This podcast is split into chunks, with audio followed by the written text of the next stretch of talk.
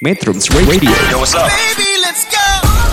All that you want. All that you can have, boy.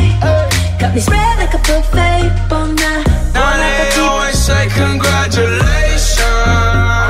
Come and strip that down for me. I'm on my way. Girl, come and strip that down for me. Yeah, yeah, yeah, yeah. Metrums Radio, media terintegrasi kaum muda. Metronom, selamat malam. Berjumpa kembali dalam acara Arah Pandang Bincang Ideologi dan Politik Internasional edisi Kamis tanggal 7 April tahun 2022. Masih dari radio online Metro Bandung di bilangan Jati Handap Bandung. Pada edisi kali ini, Metronom selama satu jam ke depan akan bersama saya Desmond dari Forum Studi Asia Afrika.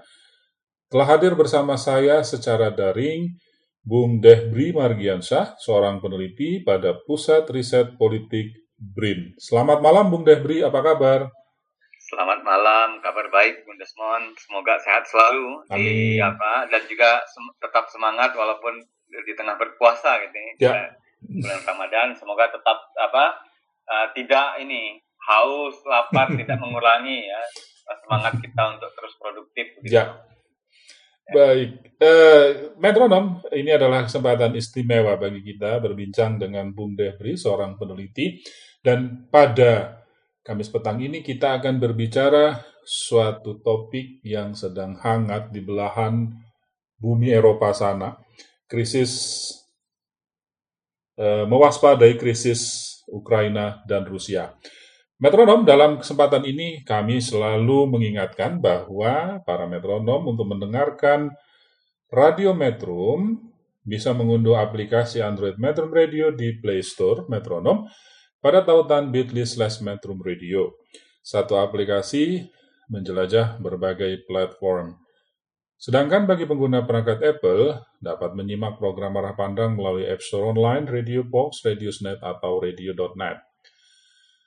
Atau metronom juga bisa menyimak talkshow ideologi dan politik internasional ini melalui bit.ly slash webmetrum pada laman situs metrum.co.id atau melalui Radio Garden bit.ly slash Radio Garden Metrum atau melalui aplikasi radio lainnya.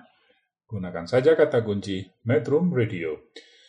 Metronom yang tertinggal mendengarkan siaran arah pandang pada Kamis petang ini dapat mendengarkan ulang rekaman talkshow berupa podcast di beberapa aplikasi podcast bagi pengguna perangkat Android maupun Apple, silakan saja cari kata kunci Metrum Radio.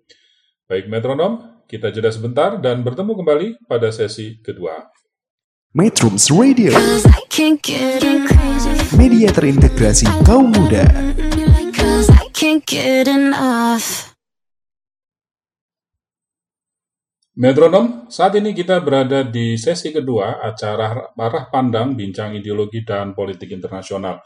Pada sesi kedua ini kita akan berbicara langsung dengan Bung Dehbri tentang krisis perdamaian di Eropa Timur, khususnya di Ukraina dan Rusia.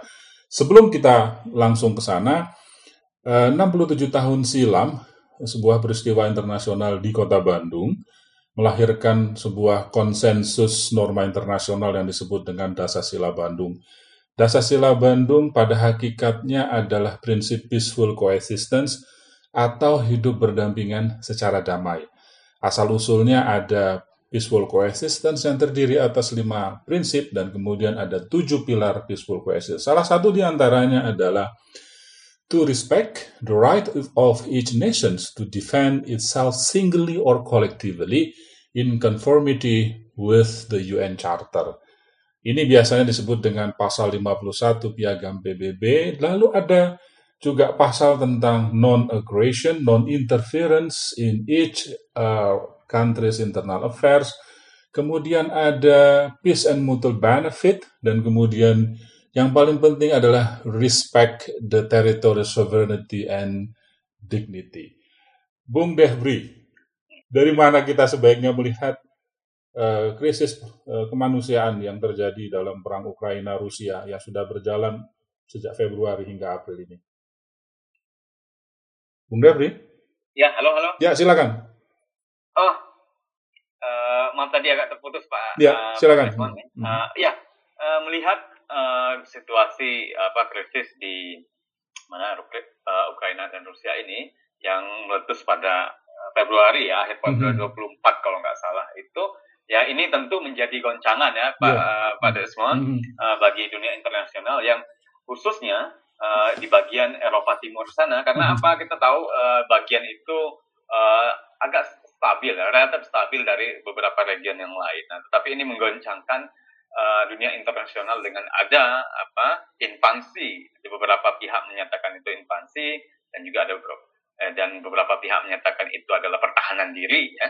Mm-hmm. Yang keduanya bisa mengklaim itu UN Charter 51 itu Pak, yeah, yeah, Pak Desmond yeah, yeah. karena di satu sisi uh, Ukra uh, apa uh, Rusia menginvasi ya, menyerang uh, operasi militer bahasanya ke Ukraina itu dengan dalih mereka akan membackup apa gerakan-gerakan kemerdekaan di Luhansk dan uh, Donetsk ya mm-hmm. uh, itu yang didukung oleh Rusia mempertahankan diri mereka dari yaitu serangan Ukraina karena mm -hmm. mereka separatis ya. Mm -hmm. Nah, dan uh, itu mereka apa uh, Rusia mengklaim bahwa mereka apa uh, mendukung self apa tadi uh, self determination mm -hmm. dan juga respect terhadap teritori. Tetapi di sisi lain ya uh, Ukraina dan juga uh, uh, Barat itu juga melihat bahwa itu invasi yang uh, apa melanggar artikel 51 itu dengan dengan tadi apa tidak respect dan juga segala apa mm -hmm.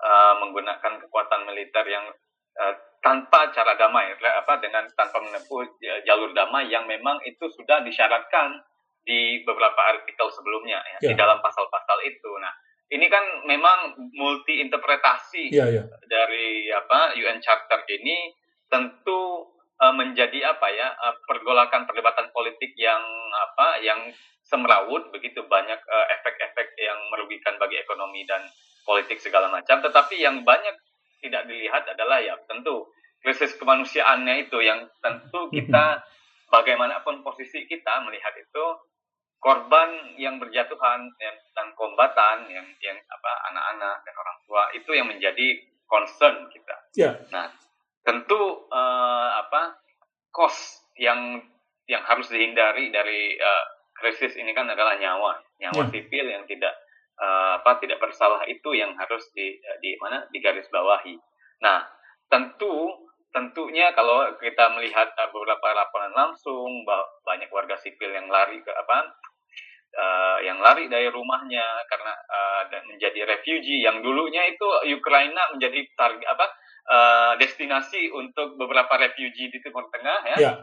melarikan diri. Nah sekarang mereka menjadi juga uh, apa refugee dan harus pergi ke uh, negara lain. Ya. Gitu. Nah hmm. ini kan semacam apa ya kita melihat bahwa ketidakpastian global itu tidak men, apa ya bisa apa ya bisa datang begitu saja di dalam hmm. situasi yang nampaknya secara ekonomi dan sosial uh, stabil gitu ya. Hmm. Nah bagi bagi, uh, bagi beberapa orang, eh, bagi beberapa ahli melihat, nah itu tentu apa uh, ambisi kekuasaan, the power uh, dari suatu negara ini menjadi yang concern. Nah, kalau saya sebagai orang yang uh, banyak meneliti soal apa rezim demokrasi ya mm-hmm. Pak, Pak Desmond ya, yeah, yeah. Uh, ini tentu adalah uh, apa sinyal sinyal yang ini sinyal apa ya sinyal yang kuat bahwa mm-hmm invasi-invasi ini bisa datang di dari rezim-rezim yang non demokratis mhm, begitu. Mm-hmm. Nah, uh, tentu uh, hal yang begini uh, kita lihat posisi Indonesia juga sudah walaupun pernah apa dikecam sebagai apa ya uh, pengecut secara diplomatik atau apa itu karena kita tidak ikut mengkondem atau yeah. mengutuk mm-hmm. Rusia dan uh, dan mensupport Ukraina karena uh, seperti apa aliansi barat begitu tetapi saya tentu ini apa posisi terbaik kita yang sudah uh, selaras ya dengan hmm. Pancasila Bandung yang Pak Desmond sudah uh, apa tekankan tadi hmm. nah tentu ini menjadi penting ya Pak, Pak Desmond hmm. uh, sebagai kita di Indonesia itu untuk selalu memegang teguh ya prinsip uh, apa uh, bebas aktif itu hmm. ya, secara pemerintahan dan juga uh, secara sosial kita harus uh, terus ya uh, meng, ya me, menekankan perhatian kita kepada eh, apa kemanusiaan. Walaupun banyak di sosial media saya saya yakin bahwa eh, melihat apa respon bahwa kita harus mendukung Rusia di ah so- maaf Ukraina bah- bahkan dimentalkan ah kenapa kita harus dukung itu karena mereka juga menginvasi seperti di Palestina di itu juga tidak apa mereka juga tidak dukung. Nah tentu hal-hal yang perbedaan pendapat begitu ya kita sampingkan saja tapi krisis Mhm. kemanusiaan kemanusiaan eh, yang di- di- harus didahulukan Pak Desmond dan juga eh, posisi diplomatik Indonesia sudah cukup tepat begitu Mhm. walaupun banyak perlu per- secara proaktif lagi tetap kita harus menjadi broker perdamaian di dalam eh, di dalam apa konflik ini begitu kalau saya melihatnya Iya. sejauh ini. Ya, mengenai eh, bagaimana peran Indonesia, saya melihat dalam beberapa artikel terakhir bagaimana peran Menteri Luar Negeri Indonesia melakukan walk the talk ya ke sejumlah eh, pemimpin negara di Asia dan juga dengan apa eh, pemimpin negara salah satu di Eropa dan bahkan juga Rusia untuk Hmm. mencari jalan terbaik untuk penyelesaian ini. Nah, kembali lagi tentang apakah menurut Bung Debri intervensi kemanusiaan bisa dilakukan pada terlepas dari negosiasi diplomasi di antara dua pihak yang sedang berkonflik ini.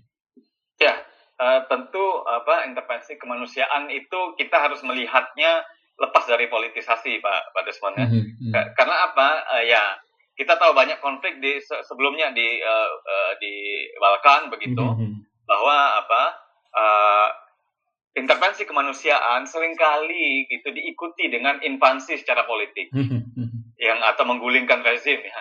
mhm. Nah inti ini tentu apa eh, hal-hal yang begini akan merusak esensi dari intervensi kemanusiaan yang mana itu ada sebenarnya memberi akses ya. Akses pertolongan kemanusiaan akses pada sanitasi eh, apa eh, apa kebutuhan kebutuhan mendasar begitu. Mhm, itu yang menjadi ini walaupun kita tahu kemarin di UNGA apa, majelis apa majelis umum, Umum, di PBB mhm, sudah punya ini ya sudah mempoting ya. Ya. mhm, untuk bahwa, uh, bagaimana akses bantuan-bantuan ini dibukakan yang mhm, uh, sa- 141 ya. Mhm, itu mendukung termasuk Indonesia mendukung Hmm. dan tiga tiga puluhan lain absen dan sepertinya ada lima sekitar itu ya lima atau enam yang menolak. Nah uh, kalau saya melihatnya tentu sebagai negara yang netral maksudnya yang tidak memihak da- dari kedua pihak, pihak yang berkonflik kita harus proaktif di dalam tadi uh, untuk bantuan kemanusiaan kalau bisa saya Mhm. bilang gitu kan.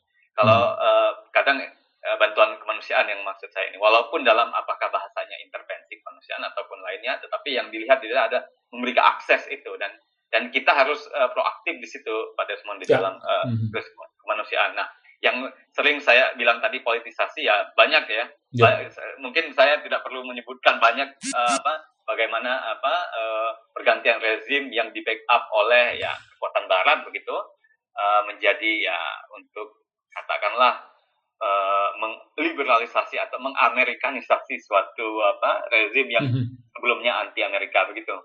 Mungkin saya yang saya tekankan adalah akses uh, apa organisasi kemanusiaan atau negara-negara uh, kemanusiaan aktor internasional lain untuk memberikan bantuan khususnya untuk sipil ya ya, apa seperti uh, apa saudara kita WNI juga menjadi apa menjadi fokus utama ini Ya. dari pemerintah yang harus di, di didahulukan begitu Hmm. Pak Desmond. Ya. Ya, ya, ini terkait kepada intervensi kemanusiaan, humanitarian intervention yang kadang-kadang di belakangnya ada agenda tertentu ya.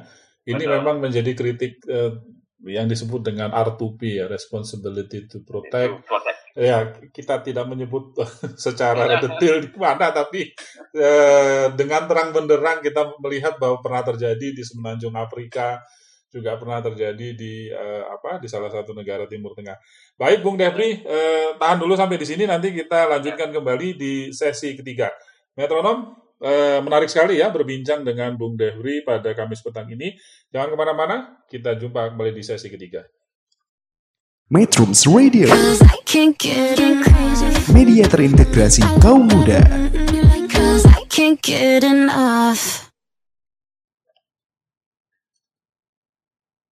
Metronom, kini kita telah berada di sesi ketiga, acara arah pandang, bincang ideologi dan politik internasional. Tadi di sesi kedua kita sudah mendengar eh, paparan dari Bung Debri tentang pentingnya bersikap eh, eh, proaktif kemudian mengutamakan akses bantuan kemanusiaan, dan juga multi interpretasi dan ada polarisasi di dalam negeri yang kita khawatirkan jangan sampai menuju kepada uh, perang proksi atau perang asimetri dalam informasi. Bung Debri, silakan lanjutkan. Ya, uh, tentu uh, efek dari krisis ini ya Ukraina uh, atau Rusia ini uh, tentu sebagai apa masyarakat internasional uh, kita walaupun jauh di sana pak ya. Mm -hmm. uh, tentu kita mendapatkan efek baik itu keamanan secara geopolitik atau juga uh, ekonomi ya. Tapi yang saya mau melihat pertama adalah efek dari untuk uh, kawasan dulu, kawasan kita di uh, Asia Tenggara yeah. atau banyak di, uh, juga dilihat sebagai Pasifik ya, mm. uh, terminologi yang ya beragam untuk menggantikan uh, Asia Pasifik. Nah ini tentu menjadi apa ya? uh, semacam uh, warning juga untuk Indo-Pasifik di mana sudah ada apa konflik-konflik potensial itu yang di mhm. Laut Cina Selatan begitu ya. Ini mungkin ada domino efek sini ya. Walaupun kita jangan berharap ke sana, yeah, tapi yeah. beberapa beberapa negara yang uh, apa yang punya karakteristik uh, problem internalnya itu mulai khawatir ya. Seperti mhm. kita tahu Pak uh, Taiwan ya. itu mirip sekali.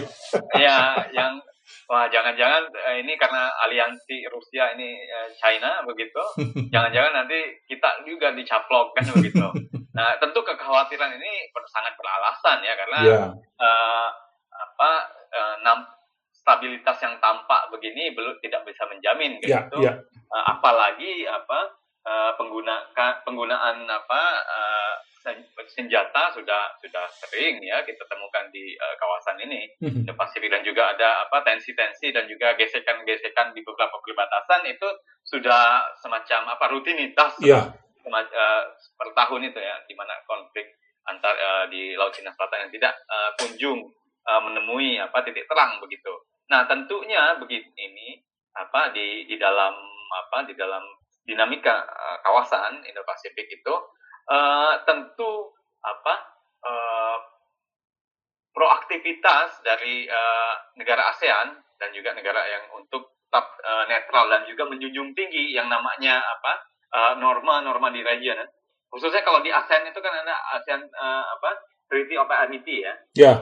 Nah, ya itu kan uh, ya kita bisa bilang Treaty of Amity and Cooperation nah norma yang harus dipegang teguh oleh uh, ASEAN dan juga ini uh, apa re, uh, rela, relasi ya relasi di hmm. baik itu di ASEAN Regional Forum atau Asia Summit ya itu tentu menjadi apa yang harus dihormati. Tetapi kita tahu Rusia sebagai anggota uh, di IRF begitu kan juga uh, apa menjadi tanya, tanda tanya uh, dengan adanya krisis ini khususnya tadi ada uh, apa uh, Tiongkok begitu mm-hmm. kekhawatiran yang agresivitas dan juga uh, yang menggunakan apa yang tidak segan menggunakan ini apa menggunakan kekuatan ya. militer yeah. itu menjadi concern. Nah, sehingga uh, bagi negara di, di apa di negara ASEAN ini proaktivitas kita untuk uh, terus mengedepankan multilateralisme itu uh, sus, uh, sudah apa ya menjadi hal yang tidak bisa di inilah ditawar ya mm -hmm. karena itu yang bisa memper apa ya uh, mengkonstrain uh, ya tadi ambisi-ambisi yang yeah. uh, takutnya mencaplokkan. Uh, ini penting juga uh, apa Pak Desmond untuk di highlight mm-hmm. karena apa relasi antara Beijing ya di Moskow dan juga beberapa di Jakarta mm-hmm. dan di uh, di Delhi gitu termasuk juga di Manila itu kan mereka apa ya uh, pasang surut ya yeah. relasinya kadang dia uh, baik dengan uh, apa aliansi dan Cina, China mm-hmm. atau juga US juga begitu bermain di sini juga berusaha untuk apa ya mengambil uh, simpati untuk uh, apa negara-negara di ASEAN itu untuk berpihak pada salah satu ya, yeah. ya yang yang sudah terlihat itu di Singapura ya. Yeah. Singapura juga mengambil posisi sudah apa uh, untuk berpihak pada aliansi di uh, Amerika. Nah, tentu mm-hmm. kita tidak mau apa uh, kawasan kita ini tertarik ya masuk ke dalam pusaran-pusaran yang mempolarisasi yang bahkan it, itu kalau kita apa ikut arus sehingga itu akan lebih mengancam daripada yang akan terjadi saat ini karena hmm. kita tahu uh, dengan Tiongkok kita sangat bergantung secara ekonomi, Mhm. begitupun eh, dan Amerika bergantung dengan eh, secara ya militer mungkin Mhm. Eh, itu apa ya akan sangat merugikan bagi eh, apa eh, politik domestik dan juga Ya. kebijakan-kebijakan kita yang yang yang sedang apa yang sedang berjalan ini eh, tentu merugikan. Nah, sehingga kenapa ini penting apa kita terus apa bersikap netral dan juga Mhm. menjunjung tinggi apa norma-norma itu agar it- apa ya efek dominonya tidak masuk Ya. Pak ke Mhm. eh, apa eh, eh, dinamika perpolitikan kita karena apa negara kita ini juga berpotensi Ya. untuk di backup oleh kekuatan luar Ya. itu terhadap kekuatan-kekuatan separatisme ya Ya. itu kan Rusia mendukung separatisme tanpa Ya. harus ada pengakuan internasional bahwa itu adalah apa eh, negara bagian yang resmi begitu kan Ya. Nah, itu itu sangat mengkhawatirkan untuk kita di Indonesia. Tentu ini yang kita sebagai masyarakat Indonesia harus eh, terus waspada ya, waspada dengan gerakan-gerakan yang semacam ini dan juga backup dari kekuatan-kekuatan luar tadi. Nah, sehingga saya agak khawatir nih Pak Desmond Mhm. ketika ada potensi ya, ya sekarang kan se- setiap apa kedubesnya sudah banyak mulai masuk tuh masuk ke eh, tataran eh, apa eh, non eh, non pemerintah Ya. aktor-aktor non pemerintah seperti ya terakhir NU ya Mhm. eh, juga itu Oh iya itu dari Amerika Ya. Serikat. betul di mana dubes Rusia juga ya cari muka ya ke situ Iya. Ukraina juga begitu nah itu kan bagian dari propaganda perang ya Mhm. yang kita harus pahami tentu karena dia melihat bahwa NU ya apa kekuatan besar Islam dan juga bisa mempengaruhi mungkin apa eh, posisi Indonesia sekarang gitu kan Ya. nah itu yang harus waspada kita dan juga di akar rumput yang banyak ah, kenapa apa Rusia tadi kita harus mendukung eh, apa ada yang simpati dengan Rusia ya kan Mhm. karena eh, apa karena itu tadi karena mempertahankan segala macamnya yang Ya. ada nilai-nilai patriotisme yang sempit begitu Mhm. eh, yang di- digaungkan oleh beberapa kelompok itu di Indonesia. Nah tentu ini menjadi potensi kita bahwa eh, memang kita harus apa ya melihat itu jangan sampai kita mungkin ber- bersimpati pada korban ya Ya. yang eh, terdampak, tetapi kita jangan bersimpati dengan mereka yang berkonflik apa pun itu Ya. alasannya karena apa?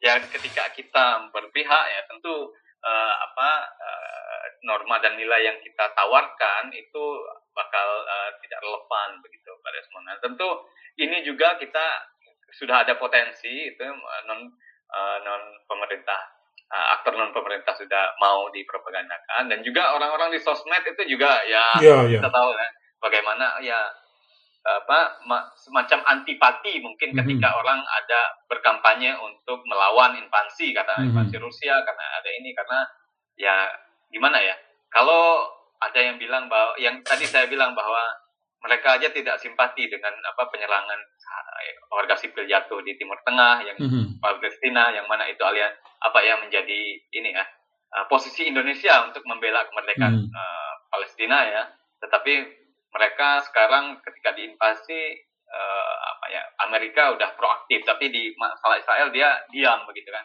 nah tentu ini masalah politik yang kita jangan sampai mengurangi gitu solidaritas kemanusiaan kita pak Ya, ya. Ya kan Mhm. kita harus juga tetap itu tidak bisa ditawar. Solidaritas kemanusiaan kita di Palestina itu sudah amanah konstitusi. Mhm. begitu juga dengan kita mendukung sipil dan kema- apa warga-warga yang apa non kombatan di Ukraina. Ya.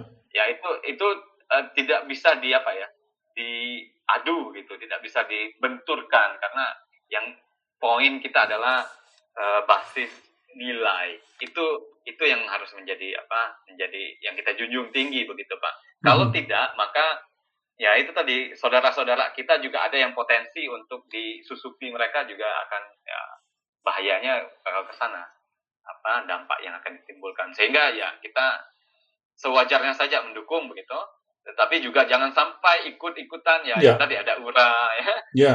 dengan kata ura udah ini ya Mhm. semacam viral gitu Ya.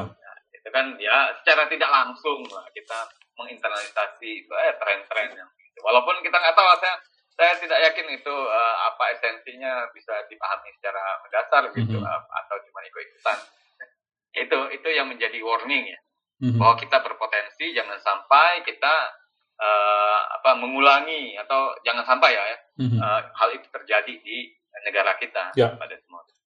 Wah ini Bung Debri ini apa sebenarnya Bung Debri dari tadi bicaranya lembut ya, tapi sebenarnya ini peringatan keras bagi kita nih ya metronom bahwa eh, kalau boleh saya paraphrase kalimat dari Bung Debri itu tadi ada yang menarik tuh bersimpati ke korban bukan bersimpati kepada pihak yang berkonflik itu metronom ya. Terus Ya. yang kedua adalah ini ini bahasa saya tapi tapi saya berusaha mem- memparaphrase ya. Jangan pernah mengimpor isu internasional ke dalam dalam negeri itu karena apa? Sama saja seperti menggelar karpet merah masuknya isu konflik dunia ke dalam rumah kita. Bukan begitu Bung Depri ya? Iya, kita sudah mengalami itu Pak Iya. 99 Mhm. ya 99 di tim-tim ya. Mhm, itu iya. ya. Nah, jangan sampai hal yang semacam itu terjadi lagi begitu loh. Kita sudah punya apa eh, trajektori sejarah kelam begitu. Ya. Bagaimana disintegrasi eh, dalam kawasan kita. Nah, jangan sampai itu bermain di sana. Apalagi Mhm. dengan bawa negara apa isu internasional lah itu udah ya betul bikin eh, memberi karpet merah untuk ya eh, hal-hal yang semacam itu datang ke dalam negeri kita. Mhm. Begitu. Iya, Pak. Eh, Bung Devri ini juga masih re- re- terkait itu ya. Dulu tuh ada yang namanya Victor Cha, dia salah seorang apa ya security scholars gitu. Hmm. Eh, security advisor di Kementerian Pertahanan Amerika Serikat, dia tuh membuat sebuah analisis di Asia Timur sebenarnya bahwa Ya. tadi kan Bung Devri menyinggung tentang pentingnya multilateralism sebagai eh, penawar ya dari apa ke Hmm. dari kebuntuan atau dari kemungkinan resiko konflik. Dia tuh bilang begini, great power dengan great power kalau ketemu itu nggak pernah mau bilateral. Mereka cari forum multilateral. Ya. Nah, di Indo-Pasifik ini, satu-satunya forum multilateral yang paling eksis adalah ASEAN. Jadi, Hmm, betul. ini eh, tadi saya menggarisbawahi bahwa memang ASEAN, kita yang ada di ASEAN harus benar-benar kuat ini posisinya. Terus yang ke yang kedua, menurut Victor Cha itu, kalau great power mau bertemu dengan medium power atau small power, mereka menghindari multilateral. Hmm. mereka biasanya langsung anu bilateral ya ke medium power atau small power. Nah, inilah yang yang ini juga beresiko gitu ketika great power melakukan pendekatan secara bilateral ke medium power atau ke small power. Sebaliknya, idealnya antitesa dari para medium power dan small power adalah mengedepankan forum multilateral untuk kepentingan apa pun dari great power yang mau dinegosiasikan dengan medium power dan small power. Molor, betul. Ya, Bung Debri tahan di sini ya. Nanti kita lanjut lagi ngobrol di sesi keempat. Metronom, demikian barusan bersama Bung Debri di sesi ketiga. Makin dalam, makin tajam, dan kita diingatkan oleh Bung Debri untuk waspada. Metrums Radio, media terintegrasi kaum muda.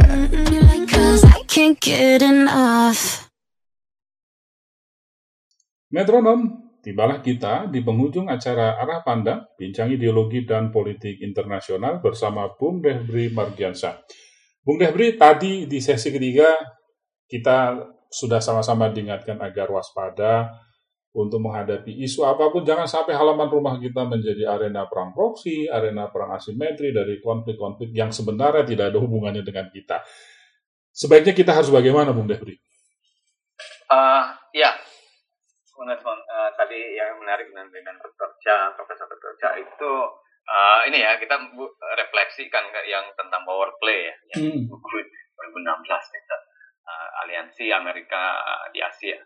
Eh, ya, pertama kita sudah melihat indikasi itu di walaupun eh, ASE- apa eh, forum ASEAN eh, yang terakhir belum ini di G20 sudah terlihat begitu uh, semuanya. Iya, iya, iya, iya. ya di, di forum G20 indikasi untuk bagaimana alia, apa power play dimainkan Amerika dan aliansinya sudah terlihat dengan berusaha ya Mhm. Uh, tadi ya walau apa kalau Indonesia mengundang Rusia ah, mengundang Putin ya Mhm. datang ke G20 dan alia apa sekutu AS juga maunya Ukraina didatangkan. Nah itu kan Iya. Pak, semacam tadi bagai sekarang apa uh, great power itu sudah apa ya sudah berinovasi uh, seperti itu Mhm. walau uh, dia meng- bagaimana menggunakan meng, meng- apa ya mendiminis atau meng, uh, meng- apa ya, kalau bahasanya itu semacam meng ini kan nilai-nilai multilateralisme itu dipolitisir Ya. untuk ya uh, yang tadinya uh, apa kalau secara multilateralisme dia tidak mau multilateralisme karena ya banyak uh, apa untuk uh, apa banding kekuasaan ke apa kapasitasnya Mhm. itu ti- tidak sebanding ya. Nah, dia sudah se- semacam apa ya uh, udah men-setting isu di dalam multilateralisme itu agar berpihak begitu dengan salah satu uh, apa aliansi yang kuat di dalam berpihak. Nah, itu yang G20 saya bilang itu adalah uh, salah satu indikasi kuat. Nah, Mhm. tentu Indonesia sebagai presiden eh, yang apa presidensi di G20 ini harus bermain eh, aktif Pak Pak Desmond ya, Mhm, mhm. bukan sekedar cuman memfasilitasi atau IO ya. IO dari eh, negara-negara eh, apa ekonomi eh, ber- eh, maju begitu, bukan maju eh, berkembang. Eh, itu agar apa tetap mengedepankan prosedur yang ada satu dan juga inter eh, dan juga ya norma-norma tentang eh, peaceful coexistence yang tadi ya respect terhadap eh, apa teritori sovereignty Mhm. itu itu yang harus dijunjung tinggi bahwa apa pun gitu apa dorongan atau juga tekanan yang diberikan Barat ataupun eh, China ataupun Rusia begitu eh, tidak sampai membuat kita hilang arah Ya. Mhm. Wal, ya, memang G20 itu dibuat untuk uh, masalah ekonomi global. Mhm. Walaupun begitu, uh, negara-negara great power berusaha untuk menyelipkan agenda-agenda non ekonomi security begitu untuk mengambil solid apa ya dukungan-dukungan politik dari G20 ya Mhm. apa pun apa pun caranya apakah dengan uh, apa sanksi dan juga Mhm. beberapa uh, tuduhan dan apa uh, banyak ini lainnya ya disinsentif lainnya. Nah tentu yang ini apa di dalam dalam tataran diplomatik dulu kita bicaranya bahwa Indonesia tetap harus berpegang teguh pada politik legal aktif dan Mhm. juga kita harus bermain peran hanya sebagai uh, leader leader G20 dan presidensi yang baik Mhm. tidak memihak dan dan juga kita harus fokus ya fokus pada recovery uh, ekonomi. Itu yang di G20 jangan sampai nanti recovery nggak jadi ya. Ya. ini bahkan malah memperburuk situasi Ya. dengan krisis. Nah itu di dalam tataran diplomatik. Dan tetapi juga di tataran uh, apa uh, institusi kenegaraan tentu hal-hal yang semacam uh, apa mak- maksudnya adalah pertahanan negara ya Mhm. kita walaupun memang banyak ba- kemarin kontroversi segala macam untuk alutsista segala macam itu Hmm. tentu ini memberikan alert yang eh, yang yang udah apa yang kuat begitu agar eh, peningkatan ya kehadiran apa non militer dalam dalam konflik-konflik yang eh, dengan separatis itu Mhm. harus dikedepan harus terus di ini pak apa diselesaikan dengan cara damai Mhm. Nah, jangan sampai kita menggunakan eh, ini lagi apa Ya. dengan eh, kekuatan dan juga ya re- apa represi dan segala Mhm. macam itu. Nah, Mhm. tentu tentu represi dan juga penggunaan penggunaan kekerasan oleh eh, militer itu Mhm. menjadi apa ya semacam ya ini yang ditunggu. Ya. untuk membu- membuka apa ya ya untuk membuka jalan untuk ya itu mendestabilisasi Mhm. rezim kita. Ini yang Mhm. berbahaya Ya. Ya. Ya. yang eh, itu dari dari institusi kenegaraan kita dan juga dari si- sosial nah kita jangan sampai tadi yang sudah saya ini kan kita terpropaganda dengan eh, apa ya sentimen-sentimen nasionalistik yang sempit Ya. Ya. tentu sentimen nasionalistik Rusia dengan Indonesia itu berbeda jauh Ya. esensi eh, nasionalisme kita bukan agresor ya Pak Ya. tetapi ya, kemanusiaan, internasionalisme, Ya. dan juga persatuan. Ini yang yang tidak dimiliki oleh negara-negara yang eh, sedang bertikai itu. Nah, ini yang tentu harus kita apa, tekankan. Ah, nilai kemanusiaan dan juga apa perdamaian Mhm. serta ini apa eh, persatuan kebangsaan ini hal yang tidak bisa kita apa ya acuh abaikan Ya. walaupun kita sedang mengalami berbagai apa uh, ke- kesusahan kesusahan ekonomi dan Mhm. juga beberapa krisis kesehatan Nah, itu itu harus tetap dijunjung tinggi dan tidak bisa kita apa ya tawar menawar lagi uh, Mhm. ini apa ini prinsip gitu Mhm. karena ya walaupun secara ekonomi mapan begitu tetapi kalau ketika kita lengah ya disintegrasi dan Ya. juga ancaman itu bukan hal yang bukan mitos jadi itu memang real Ya. terjadi yang memang ya kadang kadang ada juga melihat itu ada ah, itu kan cuma ilusi dan segala macam ya Mhm. Ukraina se- sebelum dia diinvasi begitu mereka lebih makmur dari kita ya lebih santai gitu ya, Ya. lebih ini tapi ini kan dengan situasi ini bahwa negara yang sudah menuju agak mapan itu saja bisa ini. Apalagi kita yang terpolarisasi hari ini Pak Desmond. Ya, ya, secara politik. Ya, ya. nah itu menjadi ini apa sangat terbuka potensinya. Sehingga ya pesan saya satu secara diplomatik kita harus bermain eh, sesuai dengan prinsip eh, politik luar negeri kita. Mhm. dan juga secara apa pemerintahan nasional kita harus teguh gitu Ya. mempertahankan dari beberapa ancaman eksistensial yang utamanya dari apa kekuatan-kekuatan separatisme, radikalisme dan yang mengancam ke apa stabilitas eh, politik begitu. Mhm. Dan selanjutnya yang di tataran eh, apa nasional kita jangan sampai ter apa ya eh, yang terprovokasi Mhm. dengan sentimen-sentimen nasionalisme yang primordialistik Mhm. dan sempit begitu. Nah ini yang jangan sampai ketika kalau secara sosial kita sudah apa rentan Mhm. eh, institusi negara dan diplomasi akan menjadi apa ya ya ikut berpengaruh lah Mhm. eh, mem- apa memperburuk eh, apa eh, ya komitmen kita terhadap perdamaian eh, dan juga apa eh, untuk menjadi bagian penting dari apa eh, menjaga situasi perdamaian internasional Mhm. begitu sih Pak Desmond. Baik, ya, eh, Bung Debri saya dari tadi mendengar eh, apa paparan Bung Debri ini teringat bagaimana perjalanan diplomasi Indonesia dari sejak awal kemerdekaan hingga hari ini. Kalau dilihat menggunakan kacamata kebijakan luar negeri model adaptif yang punya tiga variabel yaitu external change, structural change, dan leadership. Ini yang berbahaya sebenarnya adalah yang structural change karena kita mengalami beberapa kali pergeseran, misalnya era parlementer, kemudian masuk lagi ke demokrasi terpimpin, kemudian transisi ke orde baru, terus Ya.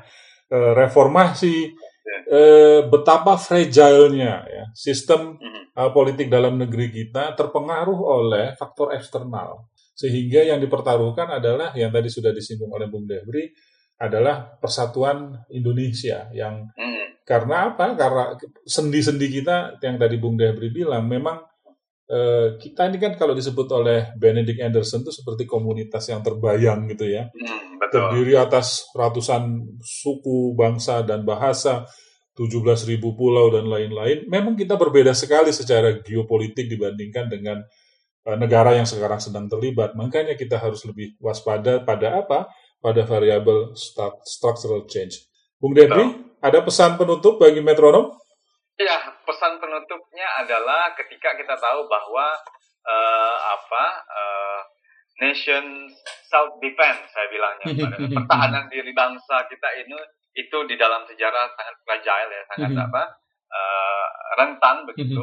Nah, tetap nilai filosofis ya kan dan juga esensi dari apa ident- eh, apa nilai kebangsaan ya nasionalisme Hmm. itu yang harus dipegang teguh. Nah, Ya. karena kita tahu nasionalisme kita itu sudah menginternasionalisme, ya, Mhm. sudah embedded di dalam nasionalisme. Mhm. Nah, ya, poin ini jangan sampai kita apa ya terprovokasi dengan uh, tre apa ya fenomena fenomena kontemporer yang ya Mhm. ber- bergerak cepat gitu. Mhm. Kadang ke kiri, kadang ke kanan gitu. Nah, tetapi ketika kita pe- pegang teguh dengan uh, nilai-nilai kebangsaan kita tadi, ya itu tentu ya nation self defense kita akan kuat. Jangan Ya. sampai ini disusupi ya, disusupi apa apakah dengan ya tadi eh, solidaritas yang non demokratis dari luar Mhm. ataupun yang uh, yang ancaman lainnya. Ini yang dalam rangka untuk tadi Pak Desmond apa Mhm. eh, memperkuat nation self defense kita Mhm. ya nation self defense bukan berarti kita harus bikin apa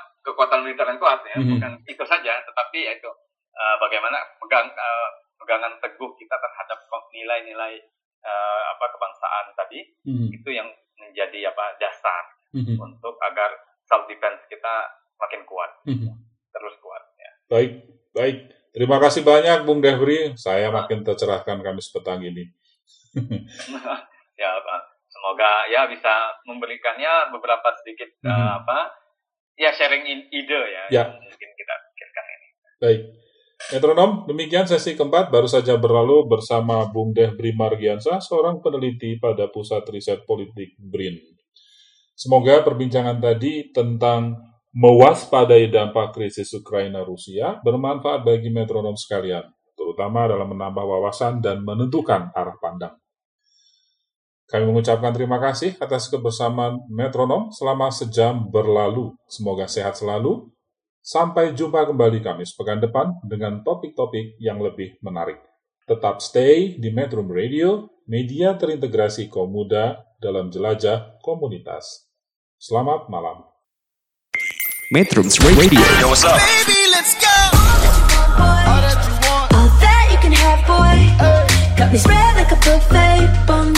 Now they always say congratulations. Down for me. I'm on my way. Girl, come on, strip that down for me. Yeah, yeah, yeah, yeah. Metrums Radio Media terintegrasi kaum muda